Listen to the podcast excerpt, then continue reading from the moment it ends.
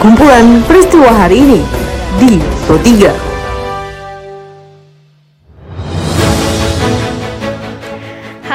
Pendengar, saat ini Anda sedang mendengarkan kumpulan peristiwa Pro 3. Pada podcast ini, saya akan mengulas terkait isu-isu aktual yang saat ini masih hangat atau ramai diperbincangkan di sekitaran kita. Tentu saja nanti saya akan hadirkan cuplikan informasi dari reporter kami. Bersama saya Tengku Mazira, inilah kumpulan peristiwa Pro 3 di ruang dengar podcast Anda. Mendengar sebelum saya masuk ke dalam beberapa isu aktual yang akan saya hadirkan sesaat lagi, saya akan mengundang untuk Anda mampir ke laman berita kami di rri.co.id. Anda juga bisa follow Instagram, Twitter kami dan juga Facebook di @rri-programa 3. Baiklah mendengar, inilah kumpulan peristiwa Pro 3. Menteri Pertahanan Prabowo Subianto dan Presiden kelima Republik Indonesia Megawati Soekarno Putri meresmikan patung Bung Karno di depan Gedung Kementerian Pertahanan Jakarta. Keberadaan patung sebagai pengingat bagi generasi muda untuk melaksanakan nilai-nilai perjuangan Presiden pertama Soekarno. Dilaporkan oleh reporter kami Yurika Fitri. Berikut pernyataan Prabowo Subianto selaku Menteri Pertahanan Republik Indonesia.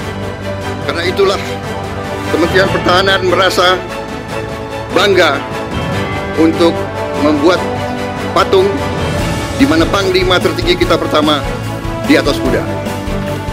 Marilah kita bersama-sama berjuang agar nilai-nilai beliau tetap akan bertahan dan dipertahankan oleh seluruh generasi-generasi penerus di hari-hari dan tahun-tahun yang akan datang. Semoga cita-cita beliau terwujud Indonesia berdiri di atas kaki kita sendiri. Indonesia dihormati oleh seluruh bangsa di dunia. Dan rakyat Indonesia meraih kesejahteraan, kemakmuran, dan keadilan.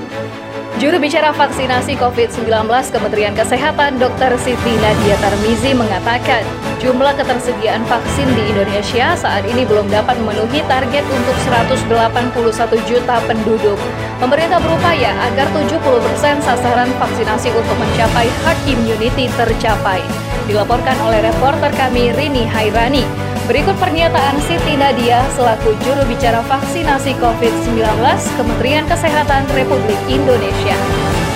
Artinya uh, kita mengharapkan dengan terus-menerus penambahan vaksinasi ini akan menambah jumlah vaksin yang bisa kita gunakan karena kita ingat di April itu jumlah vaksin kita kan sangat uh, sedikit ya, hanya 8 juta. Kalau sekarang nih uh, sudah bisa kita pastikan kurang lebih setiap bulan itu kita memiliki stok vaksin antara 20 sampai dengan 30 juta.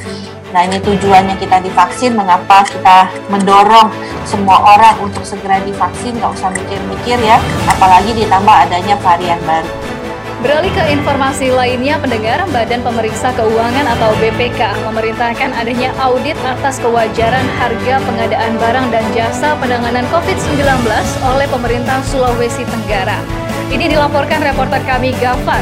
Berikut pernyataan Laode Nusriyadi selaku Auditor Utama Keuangan Negara Wilayah 2 memerintahkan Inspektur Provinsi Sulawesi Tenggara untuk melakukan audit atas kewajaran harga pengadaan barang dan jasa dalam kegiatan penanganan pandemi COVID-19 kemudian melakukan perhitungan selisih harga satuan atas kegiatan belanja barang medis habis pakai dan obat-obatan pada Dinas Kesehatan serta belanja barang untuk diserahkan kepada masyarakat pada Badan Penanggulangan Bencana Daerah. Kita beralih ke informasi atau berita olahraga. Tim Karateka Indonesia yang berjumlah 8 orang akan tampil maksimal dalam perburuan tiket Olimpiade dalam turnamen yang berlangsung di Prancis. Dilaporkan oleh reporter kami Putu Nirawati. Berikut pernyataan Ardi Gangga selaku Kepala Bidang Pembinaan dan Prestasi atau BINPRES, pengurus besar Federasi Olahraga Karate Do Indonesia atau FORKI.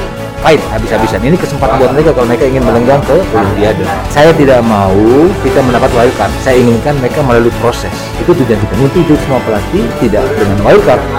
Memang wildcard itu juga adalah kesempatan, tapi idealnya mereka lolos murni melalui kualifikasi Baiklah pendengar, informasi tadi sekaligus mengakhiri perjumpaan kita pada podcast edisi hari ini. Anda masih bisa mendengarkan podcast edisi hari ini di Spotify dengan hanya mengetik RRI Pro 3 di kolom pencarian. Tetaplah menjaga jarak dan tetaplah berada di rumah.